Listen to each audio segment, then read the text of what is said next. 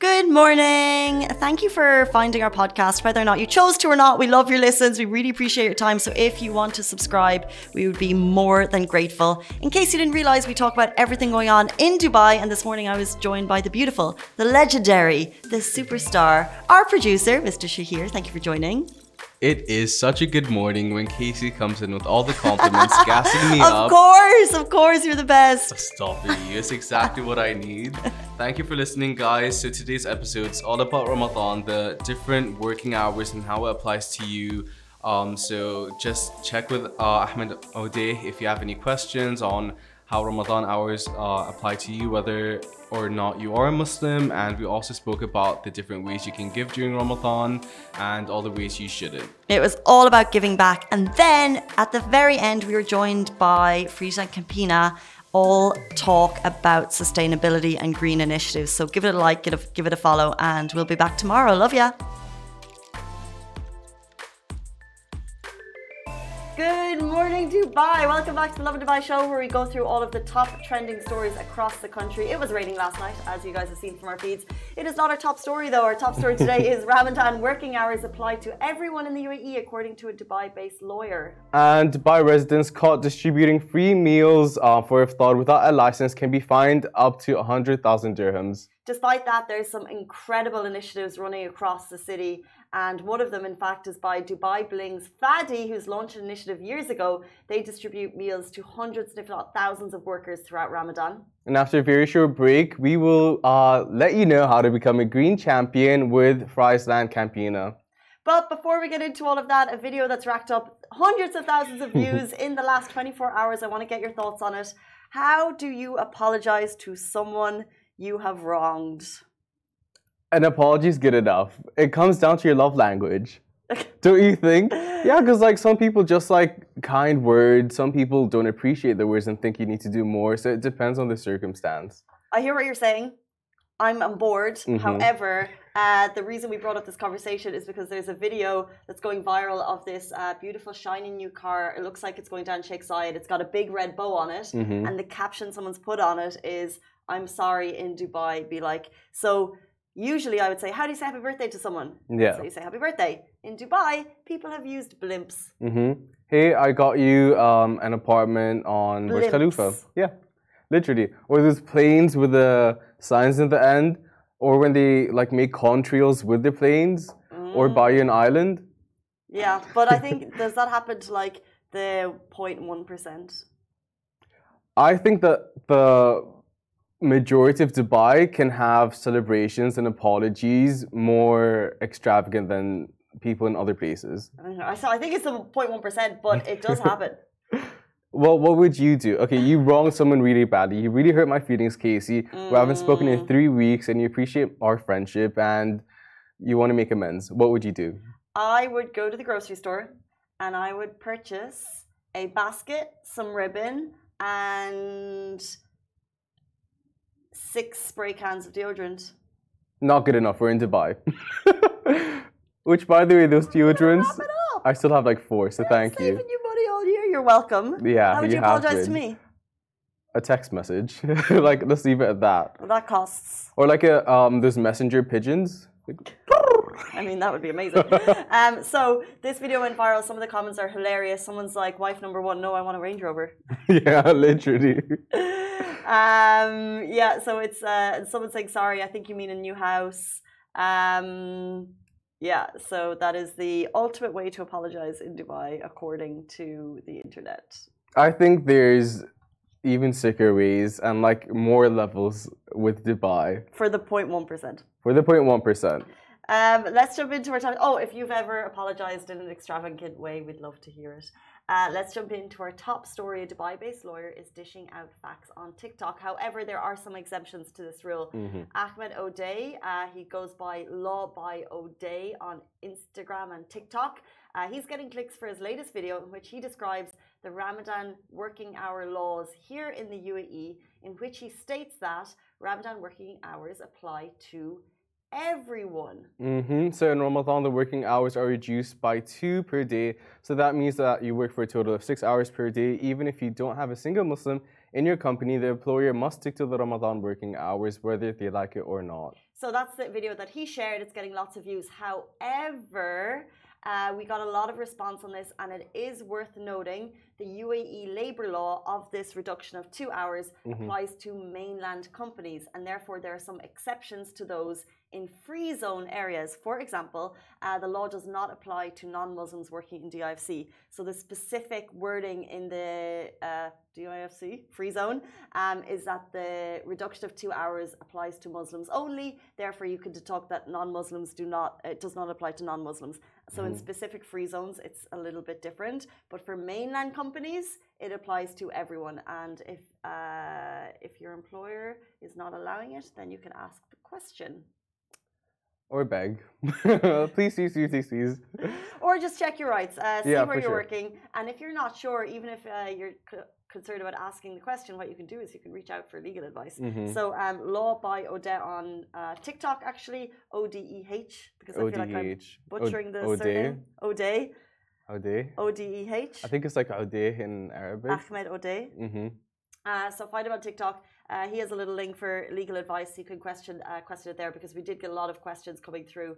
I think in different industries, uh, maybe there's different rule applies, but he says the law applies for everyone in mainland companies. So that is worth noting. There you go. Your daily dose of um, legal advice from Casey Fitzgerald herself. Via, From Ahmed. Via a lawyer. yeah. Jumping into our next piece of advice for you. So, Dubai residents are caught distributing free iftar meals without a license can be fined up to 100,000 dirhams, although it is customary for many to participate in uh, charity work during the holy month of Ramadan. Officials have reminded residents not to run any charity campaigns or distribute iftar meals without having a license to do so. Those caught handing out iftar without a valid permit or a license will be subject to a fine of up to 100,000 dirhams and jail terms ranging from 30 days to a year. So, within this ruling, authorities have emphasized the importance of obtaining permission to ensure the safety and organization of such charitable acts uh, the Islamic Affairs and Charitable Activities Department, they require individuals to submit an application. So you don't even, it's not about getting involved with the legitimate company, but you need to submit an application to do this and specify the area where you plan to distribute the meals. So, running an entire donation campaign, either as a person or on social media or in person, or a messaging app requires a license. However, distributing free iftar meals to small groups of people that you do know and trust does not require permission. The authorities have also broadened the laws on how money is donated, including food, supplies, and medicine. So, in case you don't have a license to distribute iftar meals, you can still make charitable gestures in other ways. And there are licensed charity organizations in the UAE, such as 1billionmeals.ae, uh, World Food Program, the WFP, Emirates Red Crescent, and other platforms where you can donate money that goes towards providing a free meal to the to those less fortunate. Exactly, and don't let this ruling deter you because, as uh, Shahir just said, the One Billion Meals Initiative 247 million dirham was donated in one crazy uh, in one week, and we're going for that one billion aim. Um, and also, there are plenty of licensed and plenty of people who have submitted that application who are distributing free iftar every day that you can get involved with. Which, in fact, we're actually going to talk about very shortly. Right, oh, that was a good segue. But point is, like, you can do what you need to just be charitable during Ramadan. There are a thousand different ways, and if it's you taking food to like people you know and like just situations where it's not the thing is there's health reasons that come into it making sure that everything's done the right way making sure everything's hygienic and everything is done in a methodical way. That's the whole reason for these laws. Um, if you're going to your friend's house and or like family situations where all of you take a bunch of food and like give it elsewhere that's kind of different. But yeah, it's just about making sure that the right steps are taken to do what's needed in the best way possible. Exactly, because these laws actually heightened during the pandemic when food safety and hygiene was at uh, was um, at its most important, mm-hmm. um, and therefore uh, the laws do apply. But as we said, you can just submit an application if it's something that you want to do. Now, jumping into people, uh, there are lots of iftar distribution uh, initiatives that you can get involved with and this one in particular has been running for a couple of years. And it's actually from a Dubai Bling star, Fadi, uh, who launched it, um, and it's just grown and grown and grown. It started with a WhatsApp group, Yeah. hundreds of people getting involved daily. It's so amazing, and they distribute uh, iftar meals to iftars throughout Ramadan. So uh, we're a couple of days in, and the Giving family they have distributed ten thousand meals already so far. Uh, throughout the holy month this year alone, a movement known within the community for giving back for the last six years. Last year, they managed to distribute over 150,000 meals with the help of 450 volunteers. Amazing Crazy. community initiative. Uh, it's run by Fadi Masale, who is an entrepreneur and also a cast member of Dubai Bling. So the volunteers gather and distribute meals at Al Quoz daily. Um, on the first day of Ramadan, the team managed 600 meals, but that number has been steadily increasing as the days go on. Um, by the second day, they um, were, there were 50 volunteers, um, which help package meals and distribute 2,000 meals. That's crazy. Wow, uh, it's so impressive, and anyone can get involved. Um, all you need to do is bring your helping hands and nothing else. Now, if you go onto their Instagram, uh, the first picture uh, that they have pinned at the top left, um, it gives you information for how you can get involved every single day. I think it's running on a WhatsApp group basis, and they just send out the location of where they're going to be that day, and you can get involved. Whether it's distributing, or I'm not fully sure how they. Uh, how they are sort uh, how they sort the meals, but I'm sure they'll let you know. Um, but we're hoping to have Fadi here, here on the show, maybe to talk about it in the coming weeks. Um, but guys, uh, amazing initiative. That is amazing. Kickstarted by a couple of people with a plan. The thing is about like we spoke before about doing things for social media and you don't know people's intentions, but these intentions are clear. Um, this has started way before you did the show, and it's not about social media. It literally is about the community doing stuff together. So it's amazing to see that he's also using this platform just to like push the message, and it's licensed, and like people know how to get involved because you don't necessarily, you might not know where to go to do what you'd like to do to be giving during Ramadan, but like following influencers who are doing so, like that uh, in a way has like a greater reach at the same time. Yeah, exactly. Well, he's on Fatty Cakes, but the initiative itself is the Giving Family Yeah. on Instagram. Um, and it's all just about giving back. And as you said, like you may want to give back, but you're not really sure how to do it.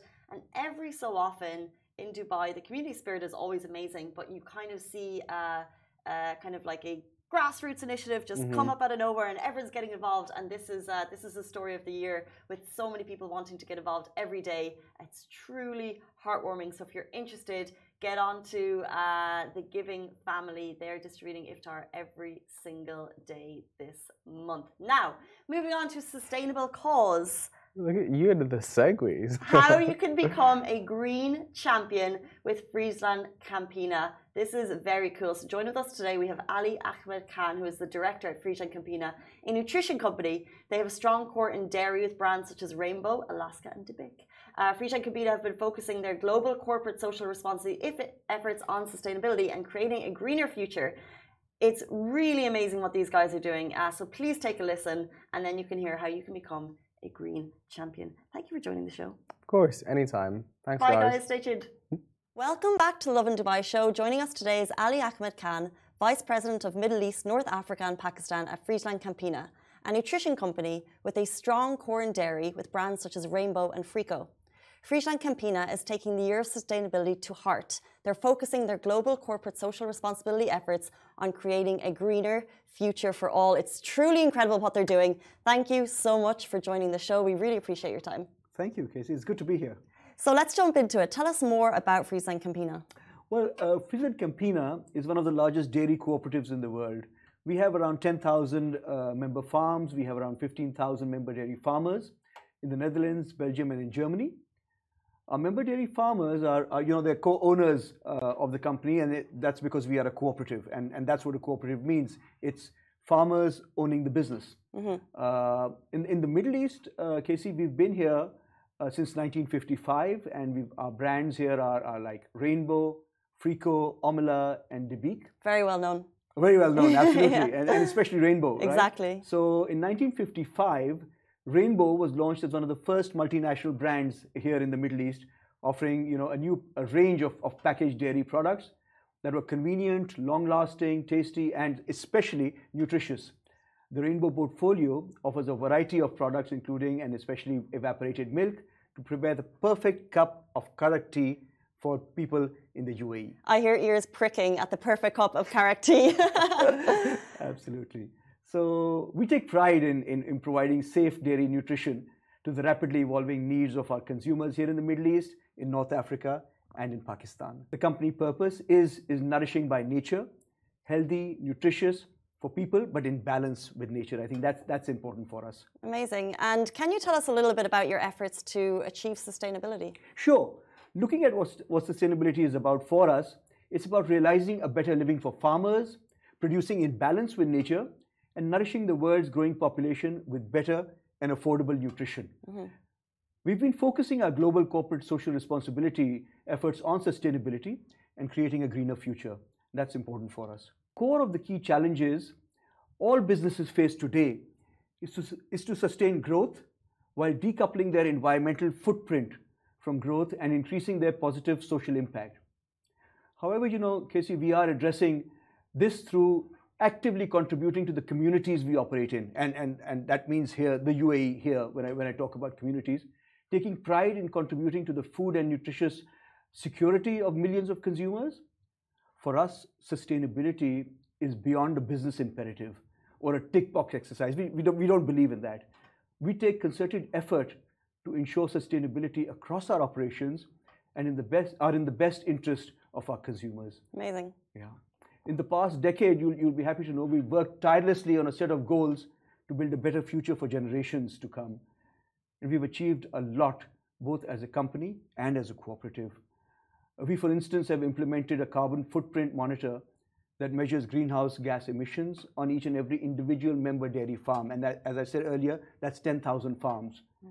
We've also built the world's first uh, tool that helps our farmers calculate the impact of sustainability sustainability measures, and consequently, our sustainability progress in the years we have, uh, we have helped to improve the livelihood of thousands of farmers worldwide.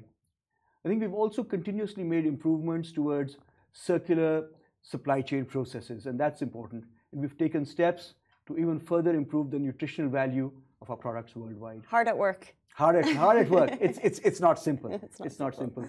Our largest footprint, I think, sits in, in the farms and as I said, you know, we are a cooperative and farmers and farmers are important to us. And, and I think uh, I'm very proud to say that we are one of the pioneers to have taken the initiative to measure our environmental impact at the farm level. By doing so, uh, we're able to take quick action and to respond with, with speed. And it's, it's, it's science based. So we are SBTI um, committed, which means we take concrete steps uh, to, to meet the Paris goals, mm-hmm. right? I think, uh, I think that's, that's really the, the essence of, of our sustainability efforts. It's a question a lot of people have, so it's great to hear. Yeah, mm-hmm. yeah, absolutely. Uh, I think, I think one other thing that I want to talk about is, is, is packaging, right? And you know, in our, in our circular packaging journey, we made a lot of efforts to design our packaging to make it recyclable, right? Today, uh, as, as a company, we are at 91% of our, of our portfolio globally. But you'll be happy to know that in MENA, that percentage is actually more than 99% recyclable. So the products that we sell here in, in, in Middle East and North Africa are almost 100% recyclable. That's so interesting, and that's kind of why I wanted to bring the conversation. Is we're talking global, but how can these initiatives be implemented locally? Well, you know, the time is now, and people ask me whether whether uh, we are ready for it. I think we are more than ready for it here in the UAE. Uh, the time is ripe for sustainability, and UAE for us is the perfect place uh, to harbor our, our ambitions and to drive for sustainability. Our sustainability efforts are at the core of our purpose, right? In the UAE, we've done a lot of research, and, and, and that research shows us that our, our stakeholders, including retailers, government, consumers, our own employees, right?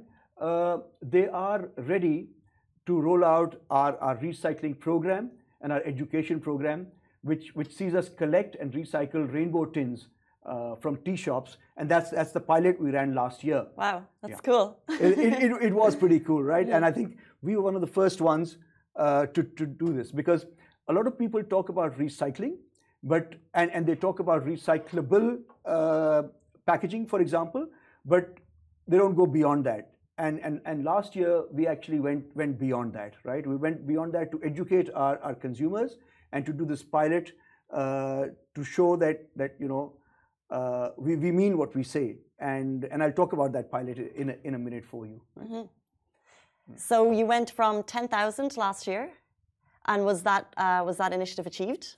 Uh, yes, I, I, I, I want to say it wasn't actually 10,000. Last, last year, we actually collected 100,000 cans. Wow. Right? We, we partnered with, with Veolia and we actually collected one, uh, 100,000 cans, but that was just a pilot. And our objective in 2023 is 2 million cans. You'll be happy to know. Good luck. That's incredible. Um, yeah. So, if you're getting 2 million cans, is that a public effort? Like, what can you do to educate consumers on the importance of sustainability? Right. So we are taking efforts to inform consumers and uh, about about the need to recycle, and that really is important. That's that's really at the core of our program, education. Right. Um, recycling is the need of the hour, and it's crucial. It's, it's crucial to benefit the environment, economy, and the societies we live and operate in.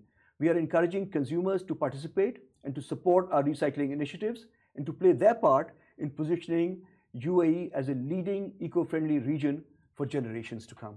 Incredible. And then moving on from that, uh, what recycling initiatives are you putting in place? Okay, so we are glad to be partnering with, with Recapp by Veolia mm-hmm. in, in their recycling initiative. This is a, a, a, nationwide movement to not just recycle, but also uh, not just recycle cans, but also all packaging material in the UAE. Now remember, what, what we put out in the environment is just is just uh, tin cans, but we're in enhancing the scope of our effort to include all, uh, all recyclable material. And as I said, that's plastics, that's glass, and, and, and so on and so forth, right? Mm-hmm. Um, so, so that really is, is, is our commitment. And our commitment, as I said, is, is to nourish the world by nature while nourishing a better planet. Incredible. And moving on from nourishing the world by nature to nourishing a better planet, um, what in terms of your alignment and goals for safeguarding the environment for waste management? And as well as that, what are you hoping to achieve from Rainbow's recycling initiative in 2023? Okay, so through our through our recycling initiative or through the Rainbow Recycling Initiative, we aim to encourage users in the UAE to recycle uh, to start recycling, and we'll be inviting them to become in, in partnership with us to become green champions. I think it's the responsibility of everyone who lives in the UAE to make it a greener place by supporting uh, initiatives around recycling. For example, we've already started this with our employees and with their children uh, in the communities that they live in, and we believe this is a big potential to scale this. Uh, there is a big potential to scale this across the UAE. We'll also be uh, collaborating with, with the Emirates Environment Group uh, to launch an awareness program specifically for schools uh, over the over the seven Emirates. Our eventual goal, uh, Casey, is to, is to educate children on how these materials impact the environment through landfills, uh, their, their collection methods, and, and, and, the, and the benefits of recycling. We also have exciting plans to launch a recycling competition in order to uh, uh, to crown these green champions. Can I just say how great Green Champions is as a cause, and I can truly see people wanting to get behind it. It's simple, yeah. but it's really smart. And if the audience are interested, guys, if you're interested, how can they get involved in the cause? Right. So, did you know the majority of, of, of packaging materials are actually recyclable? However, only a small portion is actually being recycled. In one study, we saw on average, GCC countries only recycle reuse or, or recover, guess what? Only around around 10% of plastic and metal waste. Wow. Tin cans form a major part of, of such waste, and metal is a material that can be recycled indefinitely. Mm-hmm. We're doing a lot, but it isn't enough. You can help change this. We are on the lookout for green champions from the UAE. It could be your friend, your, your neighbor, your teacher, or yourself. All it takes to be a green champion is a sense of responsibility towards the environment. Know your part, play your part, and most of all, make a difference. There you have it, guys. What an important initiative that we can all take part of, which is just incredible. We really appreciate your time today. Um, and the cause that you're driving is so close to all of our hearts. I wore green intentionally, I'll tell you, but we really appreciate your time. Thank you so much. Thank you so much, Casey. Thanks for inviting me. Not at all, guys. That is all we have time for today. We're back with you tomorrow morning, same time, same place. Goodbye. This show is brought to you by the Augustus Media Podcast Network. Thank you for listening, and I hope you enjoyed it.